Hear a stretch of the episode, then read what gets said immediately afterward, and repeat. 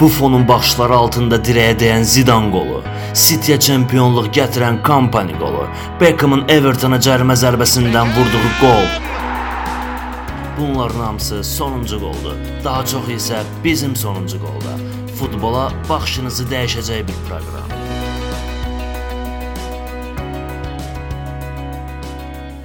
Hər kəsə salamlar. Sonuncu qolun 4-cü epizoduna xoş gəlmisiniz. Mən Hüseyn Malik. Və mən Elsəvər Quliyev. Bəli, artıq siz bizim 4-cü epizodda yeni bir intro ilə qarşılaşdınız. Bunun üçün Hacı Səfərova çox təşəkkürlərimi bildirirəm və Orxana səsləndirməyə görə və başlayaq. Təşəkkürlər. Elsəvər, izlədiyin sonuncu qol Ee, Aubameyang'ın qolu hal-hazırda. Ha, hal-hazırda mən oyuna baxa bilmirəm. Desə 2-1 FA idi Arsenal. finalı. Bəli Arsenal- 2-1 öndədir. Mən onsuz ehtimal olaraq gözləyirdim Arsenal udacağını. Arsenal çox yaxşı oyun nümayiş etdirdilər həqiqətən. Sonuncu liqa oyunlarından da görünürdü. Və yanılmamışam.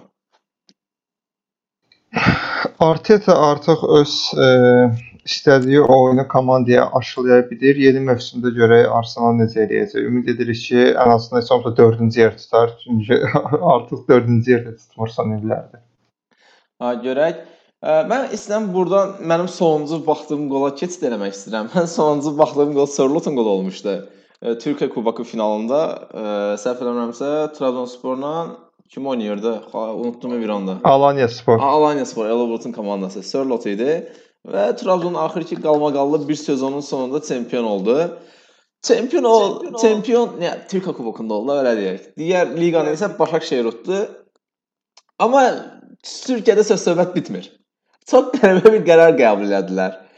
Dedilər ki, ə, pandemiyada zərər çəkən komandalar var. Bütün liqalarda alt liqaya düşən komandaların qarşısını aldılar. Dedilər ki, hamı qalsın liqada. Üstünə də aşağıda liqalarını gətirdilər, komandaları qoydular yanına və Türkiyədə bu il 21 komanda olacaq. Aysə versən fikirlər nədir bu barədə? Belə bir absurd qərar görmüşdüm daha əvvəl. Hansı liqası tarixdəsə. E, bilmirəm məlumatım var ya yox. İspaniya 2-ci liqasında e, düşənləri e, 3-cü liqaya göndərmədi. Deportivo liqada qaldı. 22 komanda idi. Orada səhv etmirəmsə 24 komanda çıxış edəcək. Yəni heç kəs düşmədi. Əlavə olaraq 2 dənə komanda da gəldi. Həqiqətən o informasiyam yox idi bu barədə. Bunu yaxşı dedin. Yəni ki, mən Türkiyədə individual bilirdim ki, bunun qərarı qəbul edib. Demək var imiş bundan əlavə də. E, sadəcə o İspaniya 2-ci liqası, bu isə Türkiyə Super Liqasıdır. Bunun haqqında mən məlumatı birinci dəfə e, Hikmət Karamanın e, səsindən eşitmişdim. Malatya Spor diviziyonundan düşəndə adam e, sağ olsun həm Malatya Sporu diviziyonundan düşürdü, həm Kayseri Sporu yəni bir mövsümdə ümumiyyətlə bu Hikmət Karaman da Yılmaz Vuralda bir növ Türkiyə futbolunda 103-də təcili yardım baş məşqçiləridir. So, həftəyə 8-9 tur qalmış çağırırlar ki, gəl kömək elə, nə olar olar. Əslində bu fikir səslənəndə belə baxdım, yox da, yəni belə bir şey ola bilməz. Hikmət Karaman da danışır da hər bu ümumiyyətlə Türkiyədə baş məşqçilər oyundan sonra taktikadan başqa hər şeydən danışırlar. Daha sonra elə sizinlə söhbətə siz məndən daha çox istəyirsə Türkiyə çempionatında yox, həqiqətən qərar qəbul olundu və 18 komanda qalır. Əlavə olaraq 3 dənə klub Hatay Spor, Fatih Karagümrük və Erzurumspor 21 komandalı 40 həftəlik çempionat keçiriləcək. Ya Türkiyə yenə necə deyim, təəccübləndirmir də. Yəni türklərdən belə qərar qəbul etmək olar da. Siyasəti artıq futbola da daxil ediblər. Hansı məntiq var, hansı nəyə görə edirlər? Yəni bu o, qərara niyə Trabzonspor şikayət eləmir ki, okey, sən onda bu qərarı ləğv edirsənsə, mənim çempionluğumu niyə saymırsan? Konya Sporun orada e, Trabzonsporu məğlub etməsi, sonra bir klubda məğlub et, İstanbul Başakşehiri məğlub, məğlub edər liqada qalması, onların elədiyi əziyyət. Məntiqə çıxıb bir şey də var ki, e, bu e, qərarı veriblər, amma təqvimlə necə olacaq bilinmir. Yəni onda belə çıxır ki, heç bir klubu, heç bir Türkiyə klubu mən sənə əmin edirəm ki, dekabrdan sonra yaz e, Avrokuboklar təqviminə qala bilməyəcək. Bu sıx qrafik, üstəlik yığmaların oyunları da var. Ölkə kuboku. e, Yəni heç nəyi analiz etmədən absurd bir qərar veriblər. Məncə bu siyasi bir qərardır. Nəyə görə siyasi bir qərardır? Yəni türklər özləri də bunu tənqid edirlər. Bilmirəm, e, bəs ikinci liqada nə tər baş verir? İkinci liqada da eyni ilə gedir. Üçüncü liqa və digər həvəskar liqalarda. Hə, Elsələr bəli, Türkiyə Futbol Liqasında hamı bütün liqalarda belə oldu. Hətta orada amatör liqa var. Orada da bütün komandaları saxladılar və altdan gələn bütün komandaları ora yığdılar. Hamısında yəni ki artırılma oldu. Yəni hamısına şamil oldu bütün liqalara, aşağı liqalara. Bizdə WhatsApp qrupda Natiq gülməli bir şey paylaşmışdı. Onda Türkiyə kubokunda nəticələr ləğv olundu. Hamı qayıtdı. 112-ci yarımfinaldan yenə başlayır da 112 klub olan. Çox amma bir şey də deyim də mən sənə. E, ümumi verilən qərara görə e, bu mövsüm, indi növbəti mövsüm liqadan 3 e, 4 komanda düşəcək. Bu deyir 17 komanda, 3 dənə komanda ikinci liqadan gələcək və artıq 20 komandalı çempion olacaq Türkiyə liqası. A, düz deyirsən, elədir. Mən təqvim barəsində demək istəyirəm. Səhv eləmirəmsə Twitterdə görmüşdüm. Biri hesablamışdı ki, e, Türkiyə liqasında oyunlar necə olacaq. Mən sən deyim ki, yanvar ayının ikisinə və üçünə də oyun salmışdı hətta. E, yəni ki, onunla bərabər ada liqanı qutara bilirdilər də. Yəni ki, heç bir həftə də ola bilsin, yoxsa sadəcə bir həftəmi komandalar istirahət eləyə bilərdilər. Yoxsa komandalar istirahət eləməmək eləmək üçün hər hansı bir vaxt yox idi. Həm həftə sonu oynayacaqlar, həm həftə içi oynayacaqlar və ilin sonunda da Avropa çempionatı var. Ona görə də səhv eləmirəmsə FIFA-nın bir tapşırığı var. Bütün liqalar qısaldılmalıdır. Yəni necə deyim, vaxtından əvvəl bitirilməlidir ki, Avropa çempionatına keçid olunsun. Bununla bərabər yəni Türkiyədə 40 həftə olacaq. Plus Türkiyə kuboklarının Türkiyə kubokunda oyunların sayı artır eyni zamanda. Yəni Avropa kubokları da var. Çox qəribə bir şeydir həqiqətən. Türklər belə ki, yəni komandalar çox geniş oyunçular, yəni oyunçular saxlamalılar özlərində. Harasa 25 nəfərlə, 26 nəfərlə oynamalılar. Başqa yolları yoxdur, yəni ki, buna 17-18 nəfərlik e, komanda heyətləri çıxarda bilməz. Yorğunluğu var, zədələyib, zədələnməsi var, ümumi digər problemlər var. İkinci səhvdən sən razıyam ki, siyasi bir qərar idi. Çünki hər dəfəsində Nihat Özdəmir və digər klub prezidentləri yığaraq Ərdoğana təşəkkür edirdilər. yəni bir cür də altdan çatdırmaq istəyirdilər ki, ya bu bizim qərar deyil. Bir cür yəni burada Ərdoğanın əli var da, yəni ki, bizlik deyil. Hətta bilmirəm heç sən indi hal-hazırda izləyirsən, izləmirsən, belə bir məsələ var. Adana Demirsporun böyük bir lobisi var. Yəni indi hal-hazırda nə Burak Yılmaz Adana Demir şey paylaşım eləyib. Demet Akalını görmüşəm. Bir neçə məşhur jurnalist var, yüksək sayda followerlar olan Twitterdə. Onlar Adana Demirspor istəyirlər. Ee, onlar da ikinci liqada final oynamışlar, amma uduzdular Fatih Karagümrükə. Deyirlər ki, 22 komanda olsun. Yəni ki, biz də çıxmalıyıq ora. Hə, bu onlar da Bursa Sporla Aksar Sporda yanarmı? Onlar deyiblər ki, necə yəni 22 komanda olacaqsa 24 olmalıdır. Biz də qalxmalıyıq ora. Nəsə vəziyyət çox qarışıqdır Türkiyədə həqiqətən. Ə, futboldan başqa hər şey danışılır da hal-hazırda Türkiyədə. Bir də müsbət qərar var ki, legioner limitini ləğv elədilər, növbəti mövsümə saxladılar. Yəni bu yeganə çempionat e, yəni bu yeganə çempionat yəni ləğv elədi, növbəti mövsümə saxladılar. Bu mövsüm yəni üzümüzə gələn mövsüm yoxdur. Yəni yeganə Türkiyə liqası, yəni legioner limitindən bu qədər oynayırlar da, yəni 1 millər necə eləsinlər? Biz indi bu legioner limitini ləğv edirlər ki, bəs aşağı liqalarda oyunçular işsiz qalır, klublar almaq istəyir. Okey, işsiz qalırlar, gedin xaricdə oynayın. Gəlin bir gəlin Azərbaycan çempionatı, Qazaxıstan çempionatı. bu legioner limitinin e, legioner legioner limitin limitsiz olması müsbət cəhətlərini hələ də Türkiyə futbolu anlamır ki, Zesi Çəlik kimi, Çağlar Söyüncü kimi, Ozan Kabaq kimi, Mert e, e, Mert Çetin kimi Romada oynayan.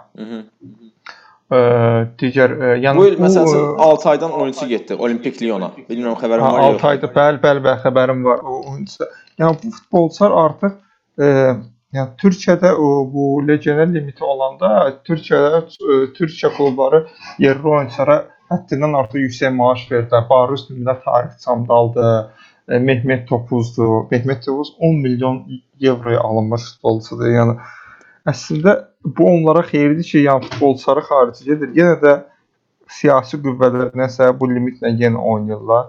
Hə, özləri bilərlər. Mən o çempionatı olsa o qədər də izləmirəm. Arxa tərəfi, yəni Mehmet Demirkula daha çox qulaq asıram. İstanbul Başakşəhərin çempionluğuna da deyinək ki, yəni komanda nə qədər e, yəni qıraq qüvvələr olsa da, yəni artıq e, son 4 ildir çempionluğu oynayırdı. Son anda nəsə alınmırdı, amma Okan Buruk da e, bu iş alındı. E, Özün bilirsən də mən bu mövsüm Trabzonsporun çempion olmağını istəyirdim. Trabzonsporun mövsümün ortasında baş məşqçinin qovulması, Hüseyn Çimşir və s. nə bilim, o çempion olub İstanbul Başakşehir çempionluqlar e, təbrik edirik. Bəs sənin yadında hansı çempionluqlar qalıb ki, yəni bu qəribə çempionlar olub da, yəni favoritlərdən heç bir çempion olmayıb, qəribə bir klub gəlib çempion olub. Məsəl üçün mən 99 e, 97 98 yaxud 98 99 Kaiserslautern çempionluğunu deyə bilərəm. 2-ci diviziondan gələrək Bundesliga-da çempion oldu. Mihail Ballak, Otto Rehhagel. Məncə elin səhv dedin sən. 97 98-dir. Hə 97-98 bəli. Okay, ili qarışdırdım. Mən gəl o maraqlı bir şey deyim Kazakıstan çempionluğu haqqında. E, çox spesifik çempionluq çempionluqdur. Niyə görə? Çünki Kazakıstan 1 il əvvəl 2-ci liqadan çıxmış. Ya həmin il 2-ci liqadan çıxdı. E, yəni ki, e, necə il çıxırdı? 96-97 sezonu bitirdilər. 1-ci liqaya çıxdılar. 1-ci liqadan çıxmaqla da gəldilər çempion oldular. Yəni ki, bu indiyə qədər belə təkrar olunmuş bir şey yoxdur, yəni hal-hazırda böyük liqalarda. Bilmirəm, bəlkə kiçik liqalarda vardı, amma böyük liqaların heç birində belə bir şey yoxdur. E, düz deyirsən, Otto Rehhagel'in e, məşqçiliyi altında qazanmışlar həmin çempionluğu. Başqa e, Blackburn çempionluğunu deyə bilərik biz 94-95-də. 94 Sadəcə. Orada 90-da iki hücumçuları var idi onların.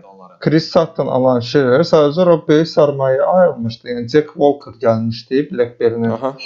E, yəni Bla- Blackburn-in sahibi olmuşdu. Bir növ dedi? Yəni necə ki Ma- Manchester City-nin ərəb şeyxləri idarə edir. Yəni o qədər pulları var. Jack Wa- Walker-ın da həmin dövrdə yəni o- qədər pulu var idi. Yəni misal çəkirəm də nə ilə bağlı. Yəni e, Allah heyət qururlar. E, Amma bir şeyə qeyd edim ki, onlar son anda e, Manchester United-in çempionluğunu da savaşırdılar. Bunlar e, Liverpool-dan getdilər səfərdə uduzdular. Halbuki Liverpool-la qələbə qazansalar çempion oldu. İş orasında Manchester United də e, uduzur səfərdə, ona görə Blackburn çempion olur. Özü ki, səhv eləmirəmsə onların məşqçisi Kenny Douglas idi. Bəli, Hə. bəli, senin Douglas. Və Sir Alex Ferguson-dan sonra çempion olan e, yeganə Britaniyalı məşqçidir.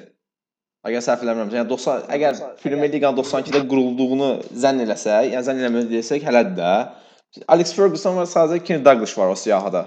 Yəni ondan başqa heç bir İngilis və Böyük Britaniyalı məşqçi yoxdur. Bəli, bəli, yoxdur. Yoxdur. Şey, e,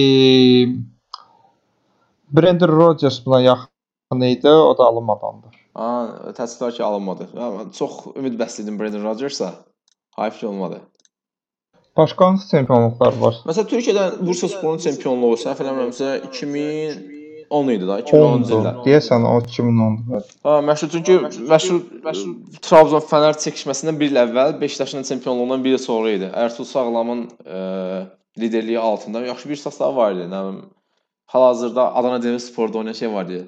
Volkan Şen var idi. Ozan İpek var idi. Batarjaları var idi. Sonra bir dənə Sərcan Fatih Kara Fatih Karagümrükün baş məşqçisi Ömər Ardoğan e, finalda komandanı tək buraxdı. E, Hatay Spora getdi. O var idi.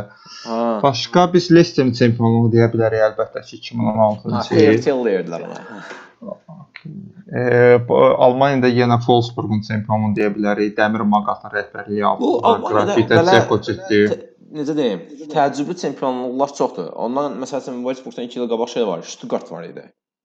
O da qeyri-adi Stutt- Stuttgart o, o Stuttgart mən sənə deyim həmin e, son turda orada çempion bəlli oldu.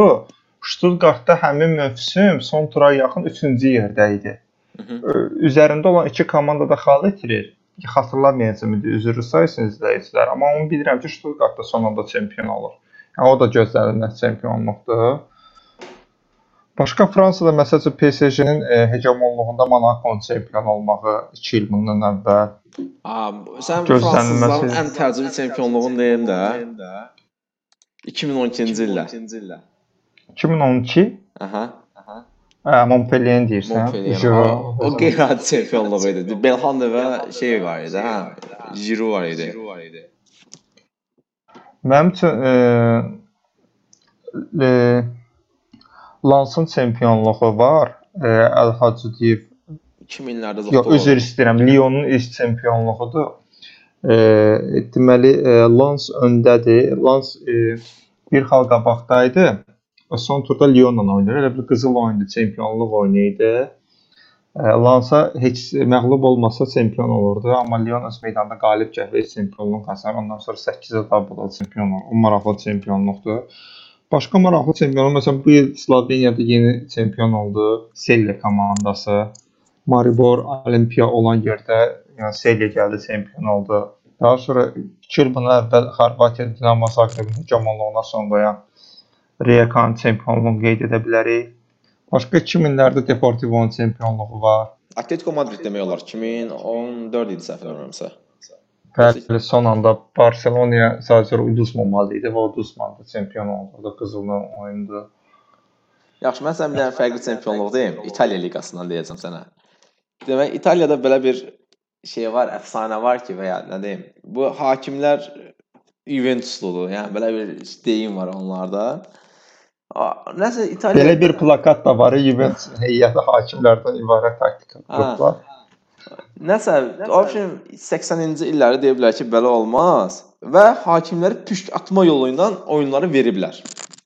Bunu eləyiblər səhv eləmirəmsə 84-85 sezonunda. Və Həmin mövsümdə Hellas Verona. bəli, həmin mövsümdə Hellas Verona çempion olur qeyri-adi bir şəkildə.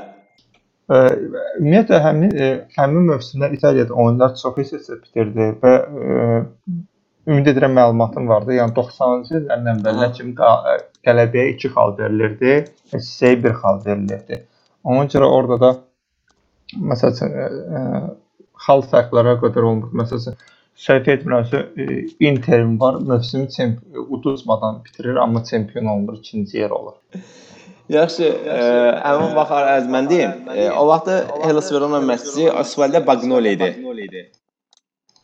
Həmin məşqçi səhv eləmirəmsə 1981-də 1990-cı ildə kimi Hellas Veronanın başında olub. Və çox maraqlıdır ki, Hellas Verona'da 2 çempionluq yaşayıb. 1981-82-ci sezonda Serie B-ni udublar. Ondan sonra 1-ci liqaya çıxdılar və 3 sezon sonra isə e, Serie A-nı udmağa qadir olublar. Ə, və həmin komandanın məşhur bir kapitanı var idi.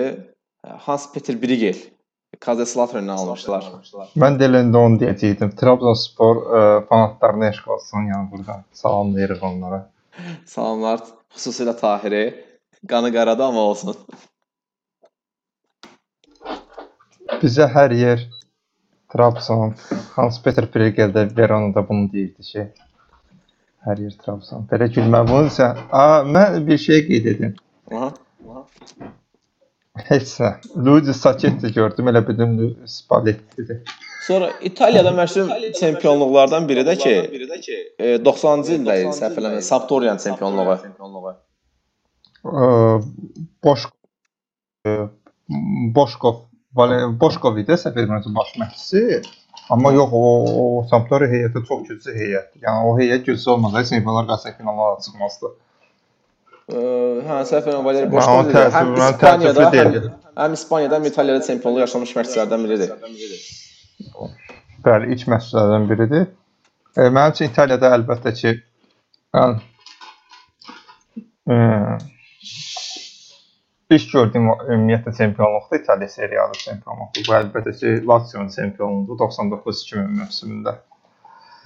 Ümumiyyətlə Lazio-nun çıxışını necə dəyərləndirirsən bu mövsüm? İndi mm, bir saatdan sonra Lazio Na- Napoli Lazio oyunu var. Əgər e, Ciro Immobile 2 qol vursa, İtaliya Serie A-da bir mövsümə ən çox qol vuran rekord onun olacaq. Səncə vura biləcək Napoli 2 dənə qol?